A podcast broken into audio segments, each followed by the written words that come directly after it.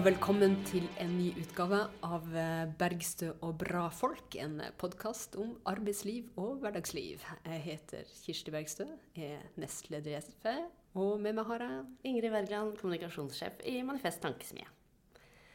Du, eh, folk som hører på oss, de vet jo ikke at du nå sitter i en skikkelig fin grønn genser.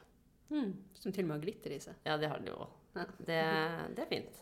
Eh, men det passer jo veldig bra. Fordi, for nå, men jeg, folk vet jo ikke at det passer veldig bra hva du har på deg, med det vi skal snakke om. Nemlig eh, klima- og miljøengasjementet, som jo eh, er veldig, veldig oppe i dagen. Altså Mm. folk, folk er mer engasjert enn en noen gang, har jeg følelsen av.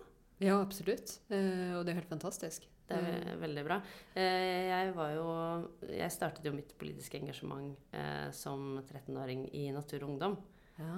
Eh, og da følte jeg at det var et kjempe, kjempestort engasjement. Og det var det jo sikkert da òg, på en annen måte. Men jeg føler at nå er det på en måte Nå virker det som alle generasjoner forstår, forstår at det er et, et nytt alvor. Da.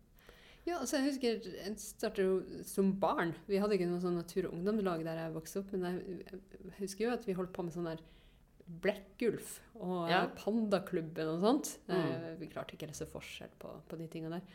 Eh, og gikk rundt i boligfeltet og plukka søppel opp i sånne lekelastebiler Mm. som vi samla sammen og kasta når våren kom. Litt sånn som folk er litt mer organisert nå. Møter, seg, møter, møter opp på strender etter hvert for å plukke plast.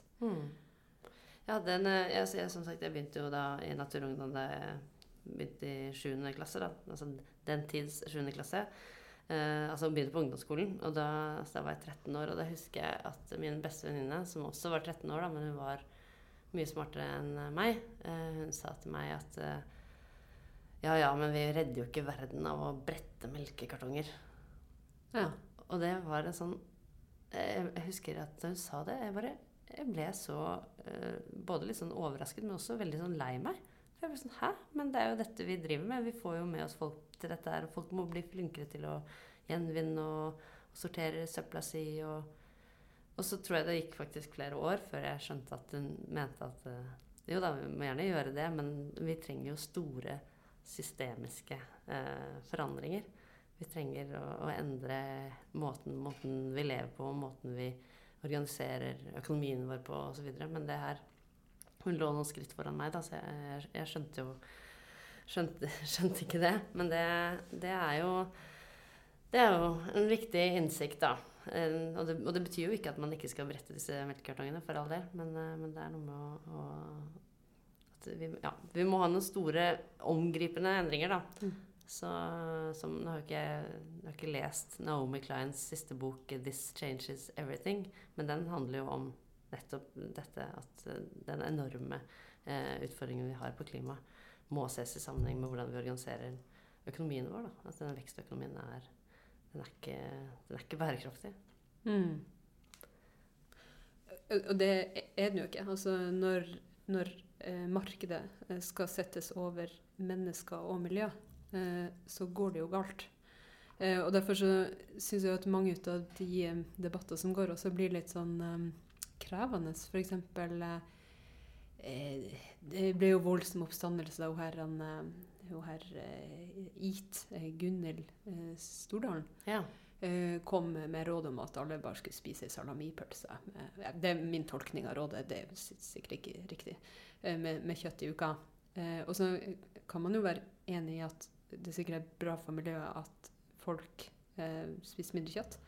Samtidig så vet man jo at mat dumpes i, i veldig stor skala for å holde prisene oppe. Mm. Så det er jo, eh, det er jo eh, eh, klart at det er viktig at hver og en av oss gjør det vi, vi kan for å, for å bidra. At vi kildesorterer søpla, at vi tenker eh, at maten vår har reist kortest mulig, eh, og, eh, og heier på klimastreikende ungdom og besteforeldre som står opp for, eh, for miljø eh, og er med på strandrydding osv.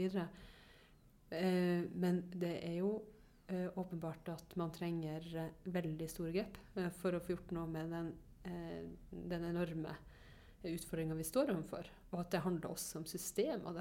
Som, som du sier, det handler om Mm. hvordan økonomien er, er, er organisert, og hvem som faktisk bestemmer. Ja, hva man har lov til å gjøre.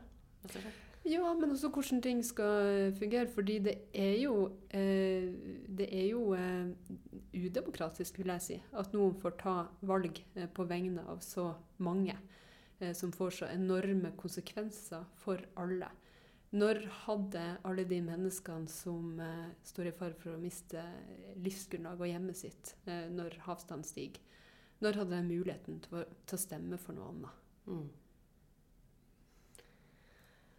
Dette, altså dette med å, å, å gi folk råd da, om hvordan de skal eh, oppføre seg for å gjøre, gjøre eh, kloden eh, tryggere, holdt jeg på å og koke den litt, litt saktere, det er jo Det blir jo veldig Folk blir jo veldig opprørt av det også. Altså, det er altså F.eks. for eksempel når Stordalen i det ene øyeblikket forteller at vi vi må knapt spise ja, det ene eller andre, og så i det neste øyeblikket setter seg på jetflyet sitt og Sus av gårde! Ja. Det blir, jo, det blir jo litt absurd. Men jo, jeg skjønner jo Og jeg skjønner jo at folk blir ekstremt provosert av det òg, fordi hun, det, det blir jo veldig eh, personlig å gå inn i folks eh, liv om slik skal du leve ditt Mm. liv, og så, og så er det liksom absolutt ingen sammenheng med hennes eh, overhode. Ja, Kanskje tallerkenen hennes passer, da, men, men liksom men, men, ikke, men ikke all det andre ressursbruken. Det blir jo helt absurd. Ja, samtidig så, er jeg jo der sjøl. Altså, jeg pendler jo mellom Oslo og Finnmark. Eh, og reiser landet rundt for å organisere folk i, i SV og, eh, og bygge opp et sterkere parti. Det er klart at det setter sine avtrykk der.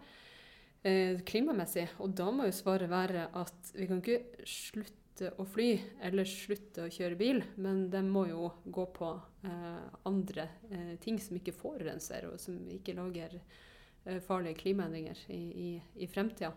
Og det er jo der eh, jeg tenker at det, at det er viktig at, eh, at balansegangen er, fordi det blir jo fort sånn at man eh, kan få piggene ut hvis man opplever en moralisering over eh, hvordan man lever i for stor grad. At du nesten opplever at eh, nå har du dusja for lenge, pekefingeren kommer. Mens man ser at eh, liksom, de som virkelig eh, har alle muligheter i livet, eh, og de som virkelig har økonomien i behold, eh, på ingen måte eh, trenger å ta noen form for, eh, for ansvar, eller liksom bli stilt Mm. eh, til, eh, til ansvar på, på samme vis som, som veldig mange eh, vanlige folk kan oppleve at de blir da. Mm. Dette er litt sånn malapropos, men, eh, men det handler jo litt om sånn livsstilsråd, eller liksom inngripende i hvordan folk skal leve livet sitt.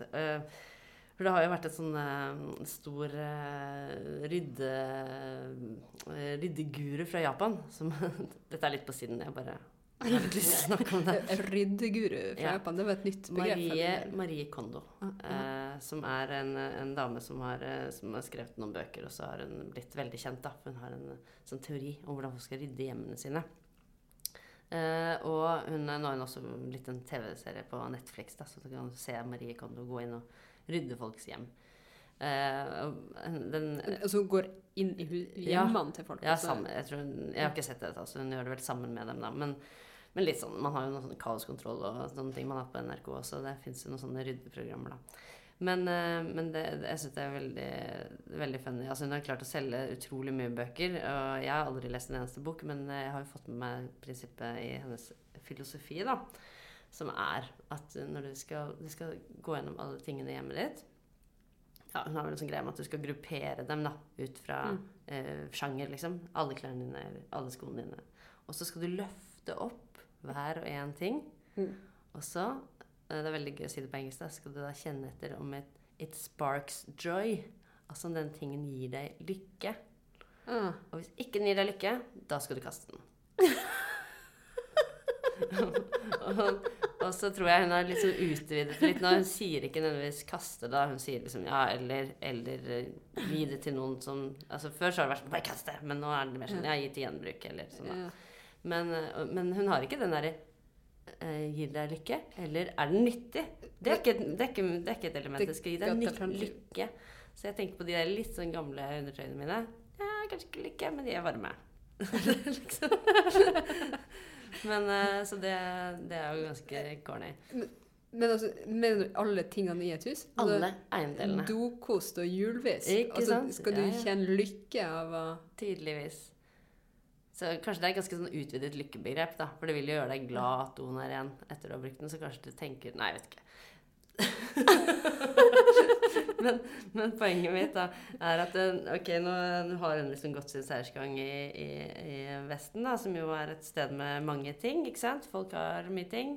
Uh, mye ting skaper mye rot, mye frustrasjon, uh, dårlig ekteskap. Altså det er jo, er jo mye Ting kan jo bli en pest og en plage. Så, så det er da mange som har da blitt veldig inspirert av, av denne Marie Kondo. Men så leste jeg en veldig interessant artikkel i The Guardian, eh, som hadde, eh, hvor hun, eh, journalisten hadde sett serien og, og hadde noen tanker om dette. Fordi Mm. Em, I denne ene episoden så ender jo da Marie Kondo og denne familien hun har ryddet huset til, da, opp med liksom 40 eller hva det var for noe søppelsekker eh, utenfor huset til denne familien. ikke sant? Fordi, ikke lykkebringende ting. ikke sant? Som var sånn dette skulle kastes eller, da, til, eller til gjenbruksbutikker eller stasjoner eller hva det er, da. Og det hun var opptatt av i artikkelen, var at det, det er eh, altså, Ok, greit, du kan jo selvfølgelig resirkulere ting, og du kan selge det videre på, på bruktbutikker og sånn, men det er jo en tings verdi, og den derre den, den der T-skjorta du da kjøpte en gang, kommer den noen gang til å spark joy hos en annen person? Eh, det er en ganske liten sannsynlighet for. Ja. Så hun, eh, dette er et ganske opplagt poeng, da, men hun tok da veldig til orde for at det heller enn at eh, man skal da prise seg sånn lykkelig over at man liksom har en sånn kjempegjennomgang av alle sine ting, så må man jo heller stoppe før det. da, Heller kjøpe færre ting. At man hver gang man skal kjøpe noe, så må man heller Dette er jo litt opplagt, men det fins jo en del folk som kjøper for mye dritt, da. Eh, Det har vært der selv. Gjort det selv. Eh, se på den tingen. Ikke bare stille seg det idiotiske spørsmålet Sparks Joy, men også tenke, som hun tar til, til orde for eh, Hva er livet til denne tingen, eller dette plagget, eller hva det er, etter jeg eier det? Altså, vil, vil det kunne resirkuleres bra? Mm. Eh, vil det kunne Vil dette liksom ja, eh, Eller er det noen andre som vil kunne ha glede av det? Eller vil dette, denne eiendelen her vare resten av mitt liv og bli tatt vare på i generasjoner? Og det perspektivet syns jeg var ganske fint. Ja, Altså, jeg ville jo kanskje oversatt det til trenger jeg det her? Hva er det reelle behovet for den tingen jeg har i handa Mm. i mitt liv? Hvilken funksjon skal det ha? Fordi det er jo litt ut av problemet, og det er jo litt ut av problemet med liksom konsumsamfunnet. Mm. Der vi på en måte, Det er jo en voldsom moralisering over ting vi kjøper ting vi, når vi kjøper feil, eh, når vi bruker feil og sånt. Men, men det handler jo om at vi blir fortalt at vi trenger en hel del dritt som vi faktisk ikke har behov for. At liksom det er skapte behov Mm. eh, som styrer livet vårt i veldig stor grad. Mm. Eh, som gir oss følelsen av å være vellykka, som får oss til å ta opp kredittkort eh, eller, eller gjeld Mm. eh, for å kjøpe ting som vi egentlig ikke trenger. Mm. Eh, og der, eh, der eh, man på en måte altså Det er jo en krem til hver kroppsdel eh, hos eh, kvinner. Så, så vi blir jo liksom overlassa av ting som vi egentlig ikke trenger. Og fortelling om at vi skal ha det. Så jeg tenker vi kan jo kalle det kanskje behov. Behov, ja. Men jeg har prøvd å rydde en gang. Ja. det, det, det hender. Og da, da finner jeg jo veldig mange ting som faktisk gir meg lykke. Ja. Eh, ja. Eksempel eh, T-skjorter fra eh, Natur og Ungdom eh, 2006. Eh, Sosialistisk Ungdom eh, 2007. Eller tre jeg, jeg har en veldig fin Radio Rakel-T-skjorte fra 2001. Du har det? Ja. Ja.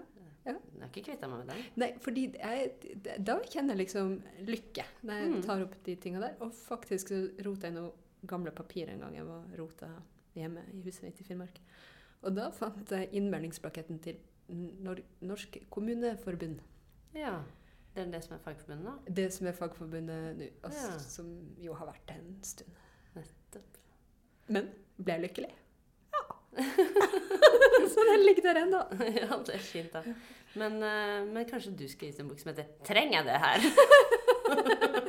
Men da må det være på nye ting, og ikke de gamle. Nei, nei, for de, de trenger du. Ja, dem trenger jo Der ligger jo minnene i alle uh, kriker og kroker i et uh, ikke så altfor langt liv, uh, som man jo bare må ha med seg. Fint. Men Kanskje på tide å slippe til en gjest? ja, og da passer det jo fint at vi har vært innom fagforening.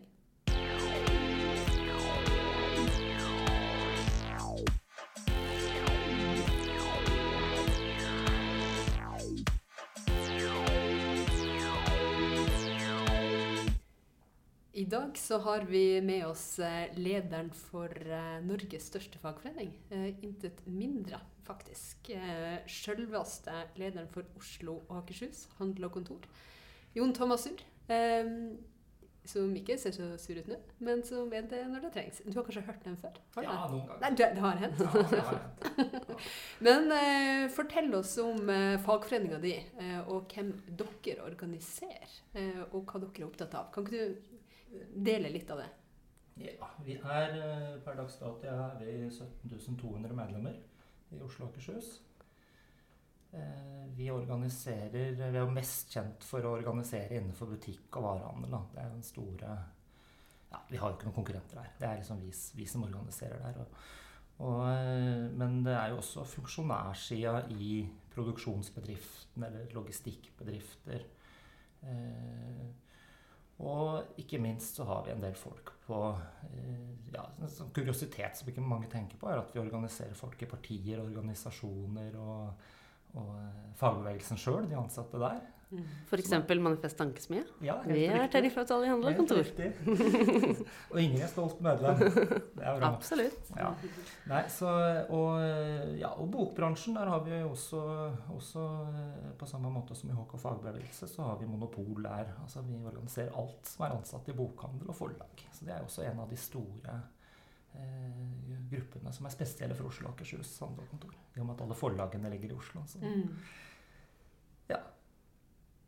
Så det er jo eh, noen eh, utfordringer som, eh, som rammer deres medlemmer spesielt. Ikke ja, som absolutt andre også sliter med. Men jeg har jo sett på, på f.eks. Heltid, deltidstallene for særlig dem i, i varehandelen, da, dem i butikk, Mm. er jo, er jo veldig, veldig høye. Veldig Mm. mange som jobber, jobber deltid. Mm. Ja, Det er jo påfallende at det er i de to kvinnedominerte sektorene av norsk arbeidsliv at uh, man har deltidsproblematikk.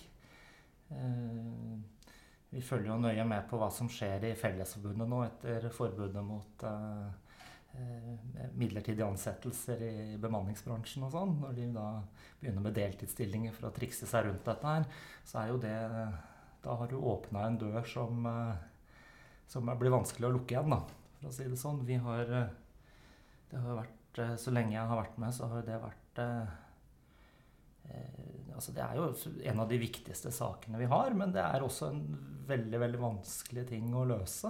Eh, Når de må banne butikkene, som er den der vi sliter med deltid, så, så er det jo så enkelt at gjennom kjedestyring og eh, måten dette er lagt opp med, hvordan man leier seg inn på kjøpesenter og priser og omsetningsbasert husleie og sånn. Altså, det er ikke penger igjen til å ansette folk på fulltid. Du kan ha en standard bemanning på en liten butikk. Er eh, butikksjef som gjerne er me meninga skal jobbe mer enn 100% gratis, fast månedslønn. Og så fyller du på med, med deltidsansatte for å få turnusen til å gå rundt. Det er liksom standard bemanninga. Så eh, utfordringa er jo at man, altså man vi prøver oss med tiltak på tiltak. Vi får til ting i tariffoppgjør, vi får til ting i lovverket. Eh, men eh, det er vanskelig å komme i mål da, når pengene ikke er der. Mm. For når du sier kjedestruktur, så er det Mm. liksom hvordan man organiserer eh, butikkene. Mm. Der, har du jo, der er det jo en modell som heter franchisemodellen. Jeg vet ikke om jeg sier det riktig, men sånn jeg alltid Ja, har sagt det. Eh, det- er noe liksom dere stanger med og, og, og sliter med i forhold til, eh, til det? Ja, måten dette her er organisert på eh, Jeg mener at det egentlig er en type legalisert form for eh, organisert kriminalitet. Ja, altså. altså. Kapitalismen så forutsetter man altså, eh, forutsetter man at eh, man kapitaleiere som skyter en kapital, er villig til å risikere den. Og så har man arbeidsfolk som selger arbeidskrafta si og har risikoen å bli stående arbeidsledige. Men i et franchisesystem sånn som eh, Reitan har organisert Rema 1000, så har de jo dytta risikoen Altså man organiserer et, et, kjede med avdelinger over hele landet hvor, eh, hvor liksom, eh, det de kaller for liksom franchisegiver, har full styring på alt på samme måten som i en heleid selskap. Men det man, som skjer når man skal søke jobb som butikksjef der, da, sånn som vi ser det, det er at du blir bedt om å gå i banken og ta opp et lån med personlig risiko hvis eh, det ikke blir overskudd i butikken. Mm. Og det betyr at eh, den ordinære kapitalisten, sånn som man finner den i heleide, eh, ordinære kjeder, risikerer jo ikke kapitalen sin. Det er den som jobber der, som risikerer kapitalen. Og veldig ofte så går dette fint. Alt er fint og flott så lenge man er frisk og, mm. og er heldig med lokasjon. Og, og, eh, men i det øyeblikket eh, de vi ofte treffer, da Det er jo de som sitter igjen der etter å ha jobba uhorvelige mengder med gratis overtid. Eh, de må jo finne forskjellige måter å få andre til å jobbe billig på også. Da, ikke sant? Så, eh, det er jo enten å drive rovdrift på seg sjøl eller andre. Da, og, eh, noen risikerer jo å sitte igjen med gjeld. Nå. Men det er da den ansatte butikksjefen som skal gå og ta opp et lån? Ja, Det er jo det som er trikset, da. For det heter jo ikke ansatt. Nei. Det heter franchisetaker. Ja. Så Eh, I teorien så, så, er jo dette to likeverdige kapitalister som har gjort en forretningsavtale. Ja, Han er Reitan og ja. han som har lyst til å drive ja. en Rema-butikk? Ja. Den 20-åringen 20 som, ja. som uh, skal ha sin første, første, jobb, og yes, jeg har blitt butikksjef. Og, så, og, og, og, og historie ja, altså, Jeg har jo hørt helt konkrete fra andre, andre selskaper enn en Reitan, riktignok. Men om folk som har trodd de har søkt på en butikksjefjobb, og så får de beskjed om at eh, her er noen papirer og greier, og så må du gå i banken og ta opp lån. Men Hvilke så, summer er det snakk om da? i lån og sånn? Nei, altså på, vi, har, vi, har, jo ikke fullt innsyn i dette her, da. Nei. Vi har jo ikke det. Eh, men vi antar jo at eh, det, ut fra de kontraktene vi har sett, at, eh, at det er tilsvarende. Eh, og eh, her er det jo en avgift da, liksom for å få leie navnet og merkevaren og få bruke ja, eh, Jeg har ikke nøyaktige summer sånn på stående fot, men, men Poenget er jo at man kan jo sitte igjen her med, med gjeld til ja, da leverandøren eller mm. ja. Mm. Men det er vel mer enn 5000 kroner, tenker jeg, siden, ja. Eh, siden, du må i banken og låne? Ja, og, ja, ja jo, jo, det, er jo, det er jo risikoen som da normalt eh, kapitalisten skulle ha mm. stått for, da, som, som, har kapital. Altså, Reitan er jo, er jo, en av Norges rikeste familier. Mm. Jeg har vel topp av disse, eller eh, ligger på toppen av eh, Kapital sine årlige lister over Norges rikeste i årevis. Så det er jo litt sånn interessant uh, kon konsept, da.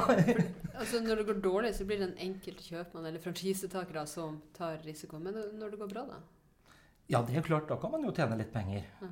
Men, uh, men, det er jo fortsatt her da franchise, såkalt franchisegiver som sitter med styringa på dette. her, Så hvis det går for bra, så kan man jo øke varekostnaden da, eller pålegge noe mer greier. altså det er den såkalte franchisegiver som sitter med makta. Den vet hvordan pengene skal følge strømmen. Ja. Mm. Men det må jo ha noe å si. altså Den måten uh, ting er organisert, må jo ha noe å si for uh, graden av medbestemmelse og påvirkning på arbeidsplassene. Ja, Det er jo det, det, er jo det mest uh, konkrete. Hvis man prater om hva, hvilke tiltak skal man gjøre for å øke organisasjonsgraden i Norge. Ja. Altså jeg gjorde jo personlig de eh, analysene av vår medlemsmasse i Oslo og Akershus, og inkludert Østfold, uh, på et helt konkret tidspunkt. Man må jo bare ta et, ta et øyeblikksbilde for å se, se, hvordan dette ser ut.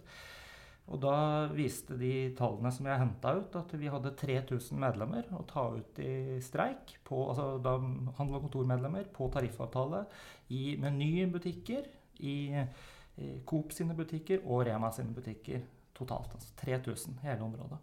23 av de var på tariffavtale i Rema 1000. Rema 1000 har en fjerdedel av omsetninga i Norge. Så 23 enkelte medlemmer 23, ja, ja, på det øyeblikket. ja. Men dette varierer jo veldig fort. Ja, for det er ikke det... mange som skal altså, vi, vi har 2500-3000 innmeldinger i året. Og litt, litt, mindre ut hvert år. Så, så, det varierer jo veldig fort. Men, men eh, det, det, illustrerer jo styrken. Og det er jo ikke så rart. Altså, hvordan skal du altså Du kan drive med all mulig slags vervekampanjer og triks og, og sånn salgstriks og forsikringer og alt mulig. Du skal ha folk individuelt til å, å, å, forstå at det er bra å være organisert, og det er det jo selvfølgelig uansett. Men hvordan skal du i praksis få ansatte eh, som ikke har en reell arbeidsgiver å forholde seg til, til å kreve mer lønn og bedre arbeidsforhold av en franchisetaker som jobber livet av seg sjøl? Mm. Altså, Mm. eh, det, det, altså, tallene snakker jo for seg sjøl. Mm. Med råttent system og stange. Ja, det, altså, jeg virkelig, virkelig har blitt sjokkert av å få innblikk i dette her. Altså. Jeg kommer fra en helt annen og, og, og, og mye ryddigere bransje sånn sett. Men, men eh, Hvor, hvor du kommer fra? jeg kommer fra bokhandel. Nettopp. Så der er det en helt annen organisering. Ja, det er jo, det er jo, det er jo mer et sånn glansbilde av trepartssamarbeidet historisk sett. da. Hvordan man eh, eller etterkrigstida har hatt en polis, eh, bevisst politisk eh, vilje til å eh, ta vare på norsk språk, eh, som er kanskje det viktigste poenget. Ja, altså hvis du skal bruke eh, altså gi, overlate bøker til et fritt marked, så vil man jo bli utkonkurrert av engelsk litteratur på ethvert område. Det går an, f.eks. til undervisning. Det vil jo, vil jo ikke lønne seg å lage Eller det lønner seg jo ikke å lage skolebøker eh, i, en, i en sånn fri konkurranse mot engelske bøker, f.eks. Man vet jo også det fra Sverige, som har hatt fri pris og, og et liberalt system for litteratur, at man har en femtedel av de bokhandlene man har i Norge per innbygger. Ja. Så eh, her har man jo en arbeidsgiverside som eh, eh, har høy grad av interesse da, å holde et ryddig partsforhold, fordi man er avhengig av politisk velvilje og, og da selvfølgelig ikke kan holde på hvordan man vil med sine ansatte. Mm. Ganske stor fallhøyde da, hvis man tråkker over streken. Men det betyr jo ikke at vi ikke har hatt harde slåsskamper der også. Det er jo ikke noe tvil om. Det står jo om penger og, og en hard konkurranse mellom, mellom aktørene, da, selv om det har blitt veldig få av dem de siste åra. Men den her eh, franchisemodellen, altså, eh, hva er historikken til den? Når begynte den å komme inn i, eh, inn i det norske arbeidslivet? Ja, der ble jeg faktisk svar skyldig. Bare ble sittende Ja. og tenke på det, Mm. fordi vi har jo løfta det frem som politisk krav Mm. i flere år, at vi må kvitte oss med det. eh, Mm. Fordi at det er så skadelig, det er så ødeleggende. Men når den utviklinga egentlig kom, det satt jeg og tenkte på at jeg, at jeg ble usikker på. Det er, jo, det er jo I navnet ligger det jo et åpenbart sånn import, import en system vi ikke hadde trengt eh, for å gjøre norsk arbeidsliv bedre.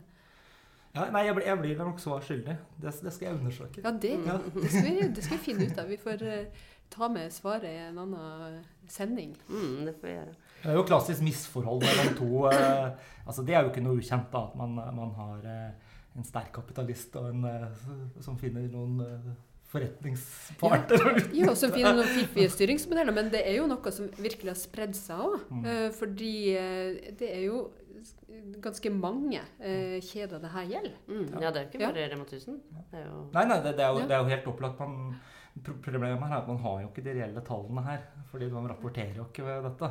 mm. Altså, det er ikke noe registrert noe sted. Ja, så er det vel såkalte forretningshemmeligheter også? eh, Ja, det da, da, Alt man kan gjemmer seg bak mye rart. Ja. Så, eh, ja. Men du nevnte, du nevnte kjøpesenteret, ikke sant? At man, eh, fremveksten av kjøpesentre gjør at man eh, eh, har dyr eh, leie, og så Mm. blir det lite penger igjen osv. Det er jo eh, det her med fremveksten av kjøpesentrene det har jo også gitt noen helt spesielle utfordringer til deres, Mm. dem som jobber der. Mm. Jeg, jeg leste det er en tid tilbake da jeg leste en sånn eh, eh, undersøkelse som viste hvor høy andel av dem som jobber på kjø kjøpesenter, som sliter bl.a. med urinveisinfeksjon. Mm. Fordi at man eh, kanskje jobber alene, Mm. man har veldig lang vei til, til do. Mm. Eh, man får rett og slett ikke gått på noe i løpet av arbeidsdagen sin. Eller, eller man får ikke forlatt eh, butikken man jobber på uten, uten risiko. Ja, det, det er litt tilbake igjen til det, det vi prata om med deltid. Eh, For det er jo igjen det med, det med økonomien i dette. Altså, Nor- Norge har vel, i hvert fall Europa, som ikke verdens høyeste kjøpesentertetthet. Eh, Så det er jo en voldsom overetablering. Eh, Og det betyr jo at man sprer omsetning eh, utover som et tynt lag, og da må det jo også svares, spares kostnader. da. Og, da kommer jo lønna utover som et tynt lag også. Så Mm. For det er jo ikke noe regulering Kan det virke som, i hvert fall. På, på Mm. liksom hvor Altså, må jo, de må jo søke om å få bygge disse kjøpesentrene, men det virker ikke som det er så ofte de får nei, da. Nei, og, og det er noe sånn paradoksalt her også. Det, det er jo litt samme problematikken som med franchise her. Da. For her har man en aktør som langt på vei eh, oppleves som å være en form for arbeidsgiver. Som ikke har noe arbeidsgiveransvar. Eh, kjøpesentre, når kjedene leier seg inn i lokaler, så, så ligger jo eh, Ja, det er jo, det er jo ikke standardkontrakter der også. Det minner jo, minner jo litt samme problemstillingen som franchise. Men, eh, men f.eks. det at kjøpesenteret pålegger åpningstider og kan gi bøter om man ikke holder åpent, Har, har, det, har det skjedd? det er helt vanlig. Det er vanlig, det. er, Ja. eh, det, er, det, er, er forskjeller. Det er, ikke, det, er ikke, det er ikke sånn at alle kjøpesentre har det sånn, men noen kjøpesentre har sånn. Det, sånn. det, er ikke noe vanskelig å finne eksempler på i det hele tatt.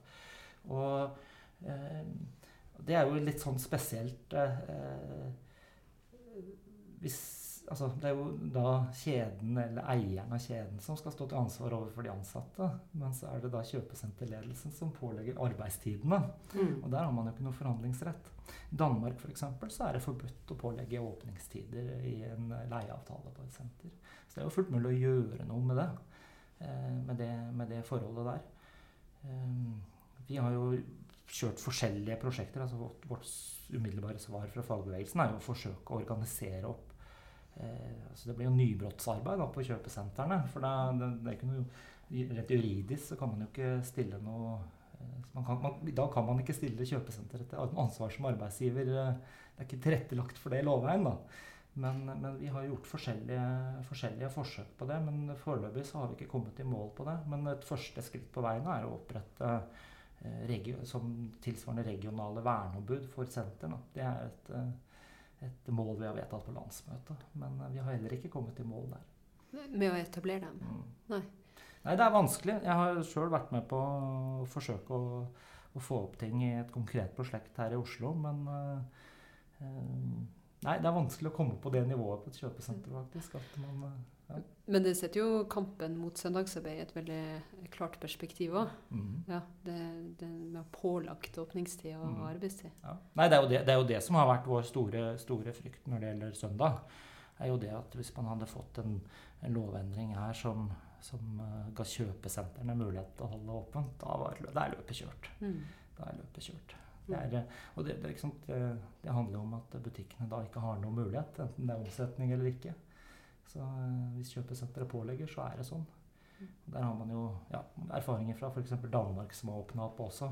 At man, eh, da blir det jo et mål å få kunder inn på søndager, selvfølgelig. Så da er det spesialtilbud bare på søndager. Og Mm. svære kampanjer for å dra folk inn på søndager. Mm. Og umiddelbare konsekvensen som man vil se i bransjen, er jo at lokale, lokalbutikker og i distriktene og sånn da vil tape mot bilbaserte kjøpesenter når det blir den nye søndagsaktiviteten. Mm. Sånn som det har vært i Sverige i mange år.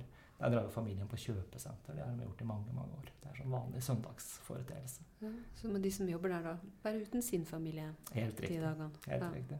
Og dette er jo sant, i motsetning til, eh, til samfunnskritiske funksjoner da, i helse, sikkerhet. Eh, eh, så, så eh, vil jo dette i så fall, hvis man åpner opp i butikk for eh, at butikker skal holde søndagsåpent på generell basis, så vil jo det være den store, første store liksom, sektoren. Da. Altså 370 000 sysselsatte i varehandel. Eh, det vil jo endre norsk arbeidsliv.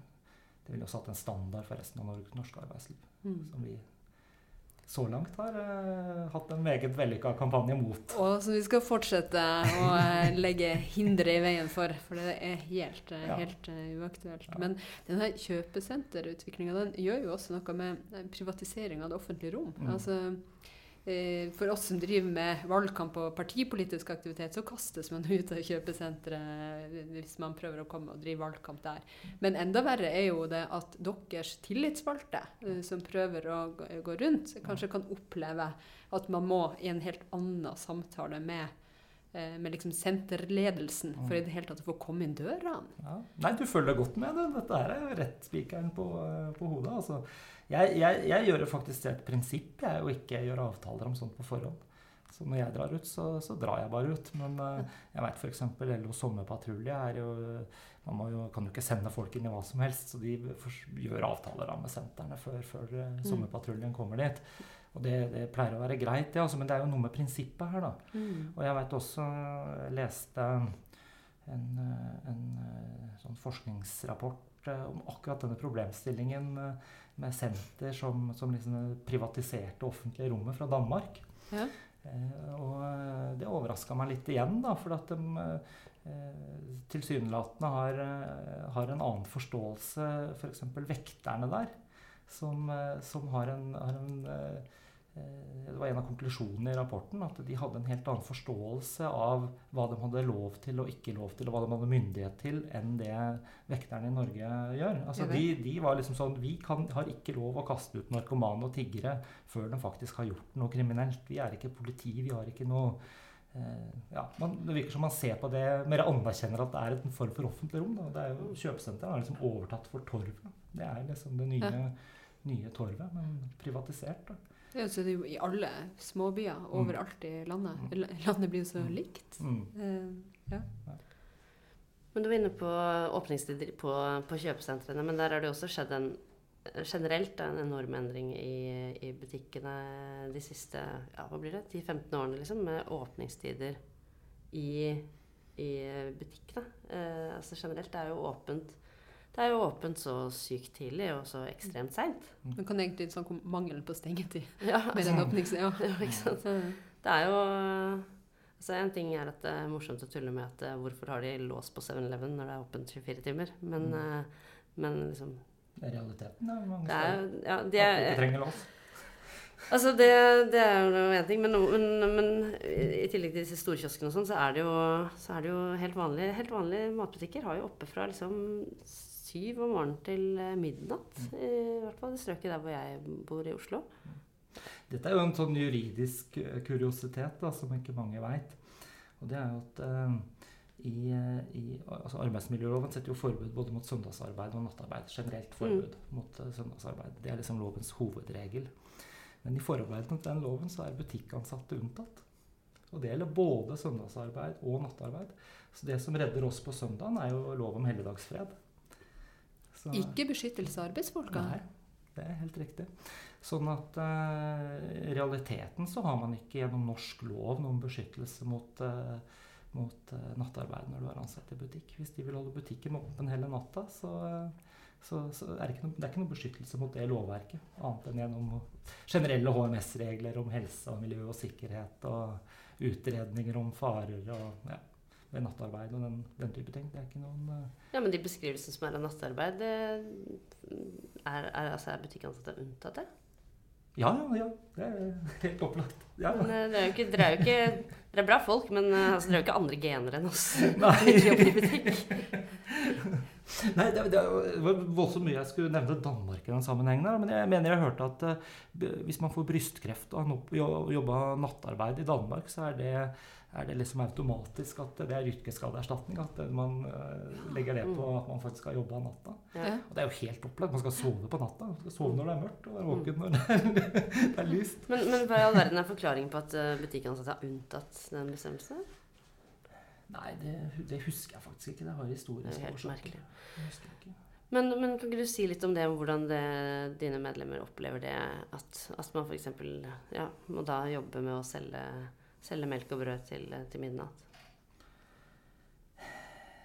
Ja, det, det, det, er vel, det, er vel, egentlig litt opplagt at man blir sliten av å aldri ha fri. Altså Folk går jo eh, Det er jo veldig sjelden man finner eh, skiftordninger i butikk.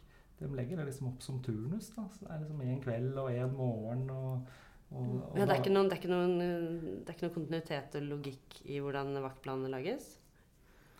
Det liksom, dette, er, dette, er dette, er, jo selvfølgelig forskjellig fra bedrift til bedrift. Jeg har jo ikke innsyn i alt. Men jeg kjenner, eh, jeg kjenner til enkelte bedrifter som har hatt rene skiftordninger innenfor litt mer anstendige åpningstider. Men per dags dato så kan jeg ikke komme på en eneste bedrift hvor man har rene skiftordninger hvor man f.eks. jobber en uke tidlig, en uke dagvakt, en uke kveldsvakt. Det er bare tut og kjør, liksom? Det er helt Ja, jeg, jeg, jeg, som sagt, jeg kjenner, jeg, kjenner, jeg kjenner jo ikke alt. Men, men eh, hadde det vært noen sånne gjennomførte ordninger i butikkjeder eh, av, de store, så hadde jeg visst om det. Mm. Det blir jo krevende å kombinere det. En, et arbeid i butikk med familieliv. Mm. Når eh, åpningstidene bare øker i begge endene, både liksom før barnehagene åpner og langt etter leggetid for, for ungene. Ja, det er jo et eller annet med det at tida ikke strekker til for folk. Det, jeg vet ikke om det er noe liksom empirisk eh, grunnlag for å si det, annet enn at jeg føler det sånn. Men eh, det er vel kanskje kombinasjon med, med en del andre ting, da. Men det, det virker jo som folk har veldig mye dårligere tid nå enn man hadde før. Og, og i bokbransjen så har man jo prata om det jeg hørte det må være 15 år siden jeg hørte første gang at den største konkurrenten, eller den, den viktigste utfordringa i bokbransjen, det var tida til folk. Hvis man ikke kjeda seg eller hadde tid, liksom, hvor, hvor skal man lese disse bøkene da? Men, men, eh, men på samme måte som du nevnte det med at eh, det er utrolig mange flere kjøpesentre, at omsetningen smøres tynt utover, så får man jo den samme effekten når eh, alle butikkene er oppe så sjukt lenge. Mm, helt riktig. Det er to, to måter å, å, å smøre omsetninga tynt utover. Ja. Det er, over, du kan si det er en overetablering både av lokasjoner og i tid. Ja. Mm. Det er, jo, det er jo ikke veldig mye folk på Ikea klokka halv elleve. Liksom. Ikke at jeg har vært eh, der da. Men det er tilfeldig. Altså, det kunne jeg jo fort ha vært. Men, altså, men det er jo ikke, det er jo ikke er, Folk bruker jo ikke liksom, disse åpningstidene til det fulle heller. Liksom. Nei, altså folk, folk har jo de pengene de har. Sånn at det, det Ja, Og de behovene de har òg. Ja, ja, ja, ikke minst. Så, så, altså, altså beste bildet man kan lage på det, er jo liksom ta en bygd som eh, kanskje ikke er helt isolert, men, men i hvert fall at det ikke er naturlig å reise noe annet sted og handle dagligvarer, f.eks. Så kan du ha tre konkurrenter der. Og så har de utgangspunktet er at man har anstendige arbeidstider der, og så begynner en av de å presse og utvide og utvide. Og til slutt så sitter alle tre med for å konkurrere med hverandre med lange åpningstider. Resultatet er jo ikke noe at folk kjøper noe mer mat eller spiser noe mer mat der. Eh, Resultatet er jo at man får økte kostnader da, ved å både holde folk på jobb og holde drifta i gang. Mm. Som alle taper på. Så det er liksom klassisk eksempel på, på eh, ja, noe som alle tjener på. da. Hvis man, ikke sant, hvis man i samfunn lager regler som, eh, Mm. som, eh, som alle forholder seg til, så vil jo faktisk alle tjene på det.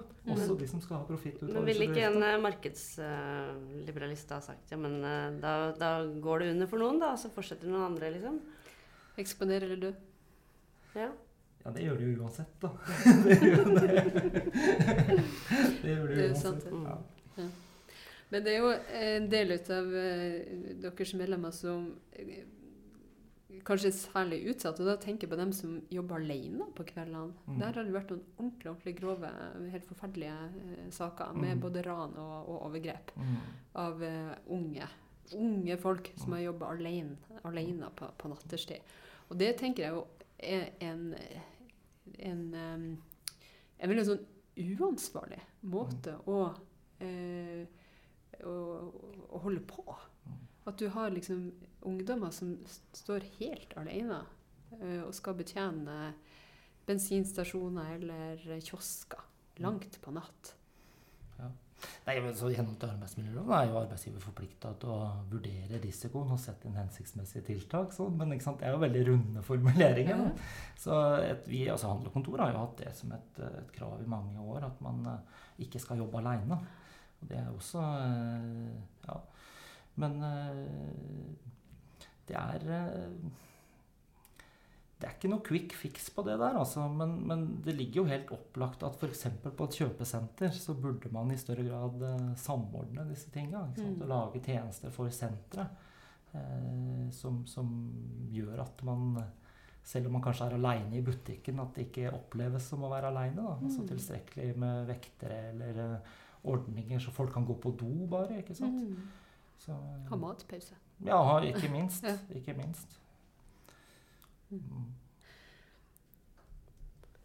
Dere har eh, Jeg har jo lest årsrapporten deres. Den var veldig flott. Ingrid går systematisk til verks. Og der leste jeg jo at dere har hatt medlemsvekst. Ja da, Og dere har hatt eh, vekst i antall tariffavtaler. det er helt riktig. Gratulerer! Ja, du, det er eh, vi, Altså, vi, vi, vi hører at fagbevegelsen Altså, det er liksom eh, offisielle Bl.a. en rapport som Sammakt, altså det nordiske samarbeidet mellom LO og sosial, de sosialdemokratiske partiene i Norden, de kom med en rapport her i fjor som sa det at, eh, at, nå måtte man ha en kriseforståelse. altså Den brukte ordet kriseforståelse helt bevisst. Eh, av, av, hva det betydde at nå organisasjonsgraden ramla. Og, og, eh, men, men, i vår fagforening så, så er jo ikke det en virkelighet vi kjenner oss igjen i. Da. Vi har hatt en økning siden 2012. En mm. jevn økning, på, også på de riktige parameterne. Altså, det, Hva betyr det? Ja, Det betyr at det er liksom ikke pensjonistgruppa vår som øker. Det er, de, den, det er de, ordinære medlemmene, ja. de som er i en klubb med tariffavtale. Mm. Og, og, det er også sånn at halvparten av de nyinnmeldte hos oss hvert år er under 30. Ja. Så hva er det dere gjør som er så riktig, da? ja. ja, Det kommer jo ikke av seg sjøl. Nei, det gjør ikke det. Og, og Eh, jeg prøver jo å være veldig tydelig på å kommunisere det. Altså, vi har hatt en bevisst strategi i Oslo Akershus handel og kontor å bygge opp en selvstendig, lokal, geografisk fagforening som samler eh, de forskjellige fagene som vi organiserer. Og, og, og, og da i en kamporganisasjon og ikke en serviceorganisasjon. Det er et viktig, viktig skillelinje. Ja, fortell du, hvordan, hvordan skillet går mellom å være kamp og service. Ja, eh, nå kan de som eh, mener at vi skal være en serviceorganisasjon, kan du kanskje være litt mer objektiv og beskrive hva de legger i det. Men, men eh, jeg ser jo på det som et fokus på mer sånn individuelle eh, fordeler ved å være organisert. Da, sånn som forsikringsordninger og, og eh, ja, at man betaler for et, en type tjeneste. Da. At man ring, ringer inn til fagforeninga når man har et problem på jobben, og så kommer fagforeninga ut og løser det problemet. Mens vår filosofi når vi prater om kamporganisasjon, uh, så handler jo det mer om å sette folk i stand til å løse sine egne problemer på arbeidsplassen. Så det vi bidrar med for oss, er jo den kunnskapen om hvordan man organiserer seg for å, for å løse disse tinga sjøl. Mm. De som er nærmest på problemene, er de som helt opplagt er de som er nærmest å finne kreative løsninger på hvordan man kan eh, få gjennom vilja si. da. Ja. Men, eh, men, eh, du nevnte at du var ute noen ganger, så drar du ut uanmeldt til disse sentrene. Sånn, så går dere, går dere, faktisk rundt og verver eh, ja. i butikkene? Ja, det er, det er jo for så vidt den tradisjonelle måten å gjøre det på. da. Vi, vi, vi gjør dette her litt mer målretta. Vi er med på sånne stunt også. Mm. Eh, selvfølgelig. Det kan være Stunt? Ja, altså, eller sommerpatrulje. Sånn, sånn, type ja. stunt mm. da, ikke sant, man gjør. Men uh, vi forsøker å være litt mer mål, målretta. Altså, så vi sitter jo og analyserer medlemslistene. Og opp imot uh, tallene på antall ansatte i bedriftene. Ser hvor er det potensial, hvor har vi nok medlemmer til å gå inn. Uh, hvor er det potensialt eh, hvor, hvor, burde vi hatt klubb? Mm. Hvor, hvor, er det mulighet til å få til noe? Uh, og satse mer på å bygge si, noen flaggskip da, i, som kan, kan, vise vei eh, for hvordan man kan få til ting lokalt, istedenfor å, å spre det utover. Eh, altså, Erfaringa er jo liksom, kan, det er ikke noe problem å løpe nedover eh, gata her og, og, få folk til å melde seg inn i handel og kontor på Narvesen-kiosken og på bensinstasjonen og sånn, at man får noen enkeltmedlemmer. Men hvis man ikke har en sammenheng og et fellesskap og, og ser nytten av det verktøyet som fagforeninga er, da, gjennom tariffavtale og de rettighetene man får til å, til å velge representanter som kan forhandle med, med bedrift og eier, så, så, eh, ja, så flytter jo ikke ting i samfunnet. Da. Mm. Ja. Det skjer ingenting med makta? Nei, det gjør ikke det. Mm. Men da går dere liksom eh, Ok, si at du har en, en arbeidsplass hvor, er, hvor, dere har tariffavtale allerede, og så har dere så og så mange eh, medlemmer, og så ser dere da at det er noen, det er noen som ikke er medlemmer. Eh, er, det, er, dere gode på liksom å få de til å verve sine kollegaer og sånn? Det er hoved, hovedmålet. Dere, ja. Og så er det da steder hvor dere da har, ser at dere har en gjeng medlemmer, men det er ikke noe tariffavtale. Da går dere og oppsøker dere dem og sier sånn Hei, dere er en gjeng her. Visste du at uh, Ole der borte, han er også medlem? Mm. Det, det, det, blir jo litt, litt, sånn overfladisk, men det er kanskje to ting som er viktig da, når man kommer, kommer inn i en sånn scenario som du beskriver. Eh, det viktigste for oss eh, vil jo være å altså, eh, To ting som kanskje er like viktige. Det ene er å ha en sak å mobilisere på. Altså, typisk en arbeidsplass hvor det er eh, problemer, hvor det er ting som kan løses enkelt, hvor tariffavtalen er svaret. Og det er jo som regel når man ikke får eh, rettighetene sine på, på arbeidsplassen. Og andre, altså, da har man et, et, problem og noe, en felles utfordring å ta tak i. Men det andre vi leiter etter, det er jo da eh, noen som evner og har vilje til å ta tak i det. Hvem er det som er de reelle lederne på, blant de ansatte eh, i, i arbeiderkollektivet på, på jobben? Og der har vi jo faktisk en del, eh, en del erfaringer som setter dette veldig på spissen. For der kan det jo også være et scenario hvor vi har hatt tariffavtale i alle år. Og så har vi hatt eh, noen medlemmer der i alle år, men som aldri har klart å få med seg de andre. Men når det er alvor, når det er en ordentlig konfrontasjon med bedriften, plutselig så er det noen som aldri har eh, vært organisert tidligere, som, som tar den rollen. Og av og til så er det noen av de som alltid har vært med, som feiger ut. Mm. Fordi de mm. eh, ja, helt opplagt for meg da, at de har, de har vært medlemmer av fagforeninga på litt feil grunnlag. At det har vært fint med AFP og fint med forsikringsordninger, men man har ikke, eh, har ikke vært motivert av å skape et fellesskap blant de ansatte og ha en forståelse av at man må stå sammen mot arbeidsgiver for å ikke bli overkjørt. Mm. Det blir jo eh, ikke mindre viktig. Jeg har jo registrert at innenfor handel- og kontor sitt område så er det til og med arbeidsgivere som har sagt opp tariffavtaler forsøkt seg på den slags? Ja, da, altså vi har jo eh, Det er jo ikke noe nytt i historien at arbeidsgivere motsetter seg tariffavtale eller prøver å kvitte seg med tillitsvalgte eller sånt, men vi har fått et veldig Altså, altså vi, ha, vi, har en, en gruppe eh, arbeidsgivere, eiere, som rett og slett har utvikla profesjonelle fagforeningsknusingsstrategier. Altså hvor som var henta inn fra USA og følger boka på hvordan man, man knekker fagbevegelsen. Da. Både hvordan man eh, hindrer at folk organiserer seg, mm. alle mulige slags metoder for det, men også når man først har fått en tariffavtale, da, hvordan man bruker alle mulige metoder for å kvitte seg med tariffavtalen. Hvilke metoder er dette, da? Vel, det er jo veldig klassisk eh, splitt, og, splitt og hersk. Eh, enkleste triks i boka, som er en av de som de må ikke gi noen tips her, kanskje? Da, Jo da, det er ikke noe, det er ikke, det er ikke noe, det er ikke noe hemmeligheter. Disse tingene ligger jo. Dette er ikke vanskelig å få tak i. Heldigvis så koster noen av de beste bøkene her de koster, Den dyreste boka jeg kjøpte, kosta 6000 kroner. Det var jo manual i fagforeningsknusing, da. Så heldigvis. Hæ? Har du, som, som fins sport, det? ja, det fins masse sånn. USA, USA er, slags... har de jo drevet på dette kontinuerlig i 100 år. Men hva slags makkverk var dette til 6000 kroner? Nei, det var ordentlig forskning, faktisk. Altså. Det liksom, ja, det vil jeg tro. At det er systematiske greier de har ja. raska i der. Altså. Ja. Nei, så, så det kanskje viktigste trikset som arbeidsgiver bruker, det er jo en midlertidig heving av lønns- og arbeidsbetingelsene. Sånn når de, ansatte, de skjønner at de ansatte har problemer og, og ser til fagforening og, og, organisering som løsning på det, så går de til de ansatte og sier ja, hva er problemet her?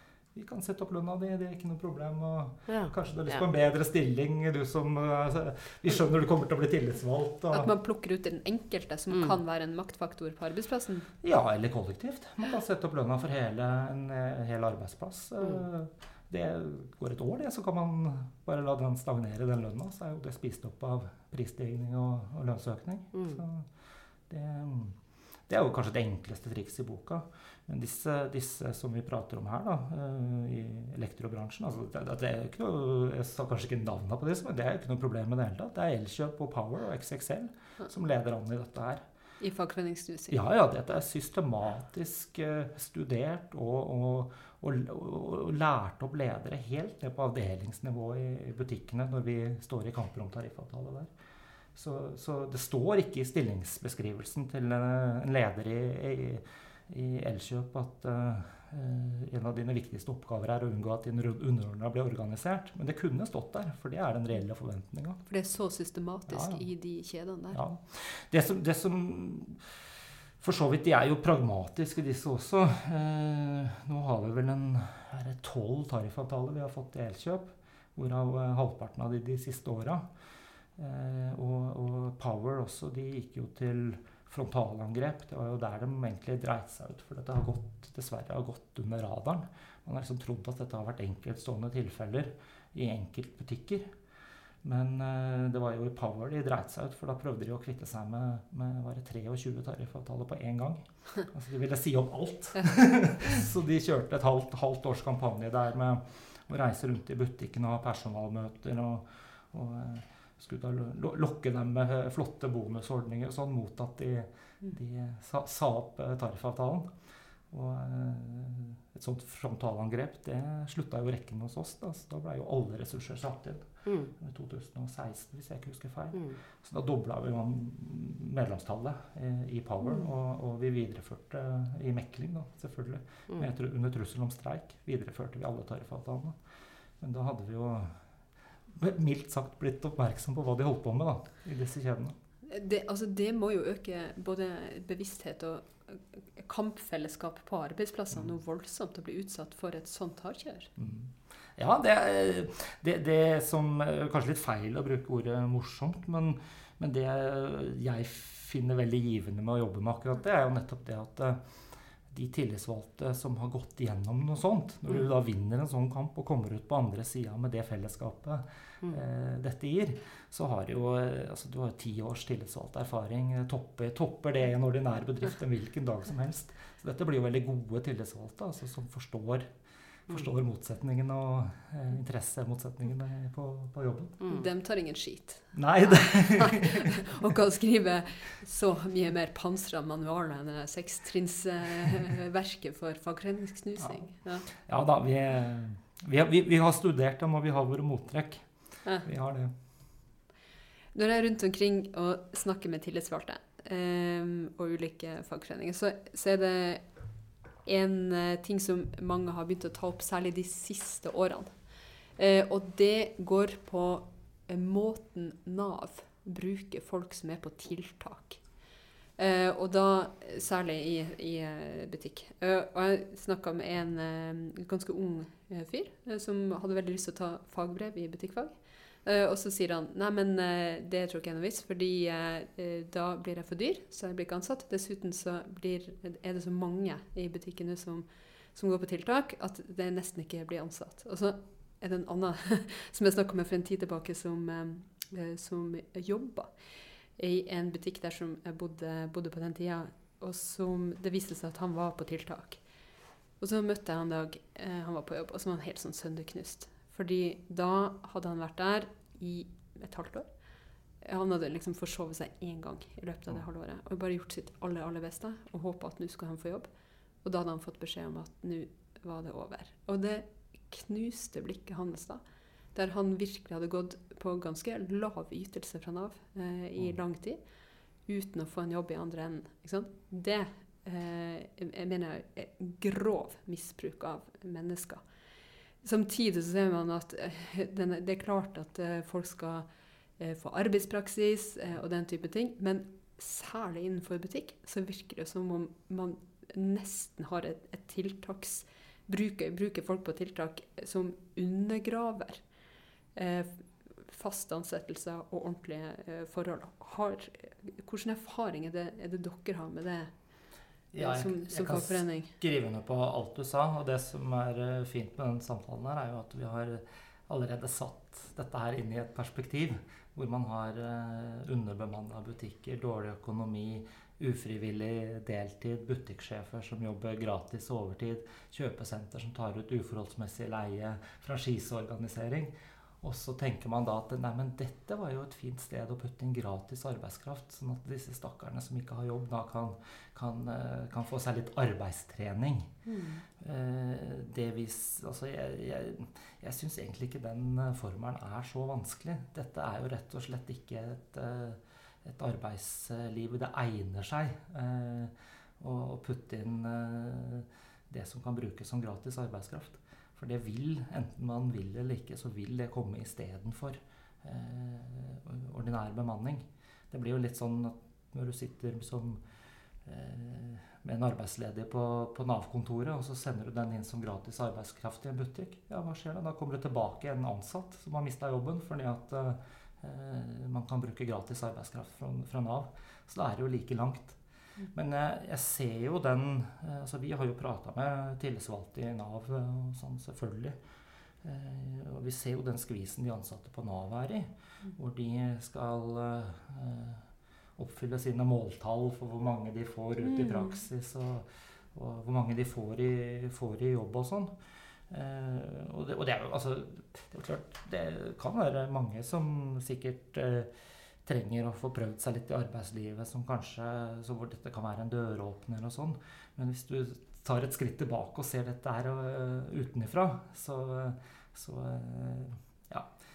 Det blir, det blir ikke flere arbeidsplasser av å, å, å gi arbeidsplassene gratis arbeidskraft. Mm.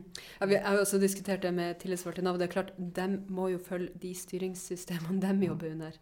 Eh, på samme måte som eh, ja, franchisemodellen eh, legger beslag på hvordan man kan tenke, tenke der. Så jeg tror konklusjonen må være en systemendring på flere nivå her. Ja, jeg, jeg- jeg liker når vi prater om dette, hvis jeg kan liksom eh, eh, altså, Hartz-reformen i Tyskland, de er altfor dårlig kjent i Norge. Altså I Tyskland, når de innførte euroen, så, så gjorde man jo avtaler om, om liksom, prisstigning og lønnsstigning, og, og, og, og hvordan dette skulle være for å opprettholde handelsbalansen innenfor eurosonen. Tyskland brøyt sin del av avtalen gjennom målretta å dumpe lønns- og arbeidsbetingelsene for vanlige arbeidsfolk i Tyskland. Og Hovedgrepet som de brukte i Hartz-reformene, det var å fylle arbeidslivet. sånn Først ta fra folk trygderettighetene, Mm. arbeidsledighetstrygd og forskjellige sosiale ordninger, og så pumpe arbeidslivet fullt med gratis arbeidskraft. Det var målretta. Og, og, og eh, ja, jeg synes jeg ble ganske sjokkert når jeg for noen år siden leste meg opp på dette her, at, dette ikke er, er mer framme. For dette er jo en, rett og slett en målretta taktikk. Altså det å, å ta fra folk arbeidsledighetstrygd, ta fra folk støtteordninger, rasere velferdsstaten for å gjøre folk mer desperate. Og, og, og tilrettelegge da for at uh, folk må falle i, i realiteten falle i arbeidskraften sin. Da. Sette oss fullstendig opp mot hverandre. Ikke sant? Mm. Og da taper alle. Ja, det var jo Det var en litt sånn sørgelig slutt Vi kan ikke slutte med det. Vi må Da slutte taper alle. Det er ikke det siste vi skal si. Nei, Men uh, vi har jo Vi har jo motstrategien klar, da, og det er jo organisering. Ja, eh, og sterke kampfellesskap på arbeidsplassen. Eh, og så vil jeg jo legge til partier som vil noen ting annet. Som ikke tenker at det er markedskreftene som skal rå, og at man skal importere dårlige eh, styringsmodeller eh, fra, eh, fra andre plasser. Men tro på dem som, eh, eh, som jobber, eh, og endre arbeidslivet i lag med dem. Ja. Det da- eh, var jo en eh, litt mer optimist. Det var det. Og da kommer vi til eh, eh, vårt faste spørsmål, som vi er veldig glad i å stille gjestene våre. Og Og som jeg tror mange sitter og lurer på nå. mange lurer jo på det. Ja. Hva var din første jobb, Jon Thomas? Fortell. Eh, ja, eh, altså det, det er det samme som den siste jobben min. Ja. Jeg har vært ansatt i Nordli siden 2001, og det er jeg fortsatt. Ja. Så jeg ble ansatt som lastebilsjåfør jeg faktisk i 2001. I, På, på Nordli? Ja. Oh, ja. Nordli. Er det Ja, så det var min første ordentlige jobb med lønn og arbeidskontrakt. og sånn det skulle være. Du var ikke noe avisbud eller noe sånt da du var 14? Nei, det, apropos sånn eh, Nav-praksisplass og sånn, da. Så jeg har jeg vært i to sånne. Både på trykkeri og, og informasjonsavdelinga på i Ringerike kommune. Oh, Å ja. da. Så jeg har, har, litt, har, har, trent meg opp da, til å få en ordentlig jobb. Nettopp. Ja. Så du var innom der. Så du kjører lastebil? Ja, jeg, eh, ikke nå, men Nei. jeg ble ansatt som lastebilsjåfør. eh, Og så har jeg jobba i butikk, jeg har jobba på lager, og jeg har vært vaktmester i Nordli. Og så har jeg jo vært hovedtillitsvalgt. Men du har liksom vært innom alle funksjoner på Nordli. Ja, det kan du si. Alt, alt mulig, mann. Men hadde du lastebillappen, eller? Nei, da er det, jeg kjører lett lastebil. Så du kan kjøre den på vanlig førerkort. Når du ikke har løftelem. Ok. Mhm. Og hvor kjørte du de fra, da? Eh, vi- Vi var faktisk to sjåfører på fulltid som var ansatt i Nordli universitetsgate. Ja. Da kjørte vi skolebøker. Eh, Det var liksom basert Det var den liksom store jobben, da. Med skolebøker. Men også Henta på trykkeri, eller? Nei da, nei da. Fra, fra lager og Nordlys eget lager og ut, til- ut til kunder. Også til bedrifter og institusjoner offentlig. Mm. Ja. Noen få fa privatpersoner som kjøpte mye bøker også, faktisk. Så mye at man måtte komme med lastebil? Ja, Er det sant? ja helt sant.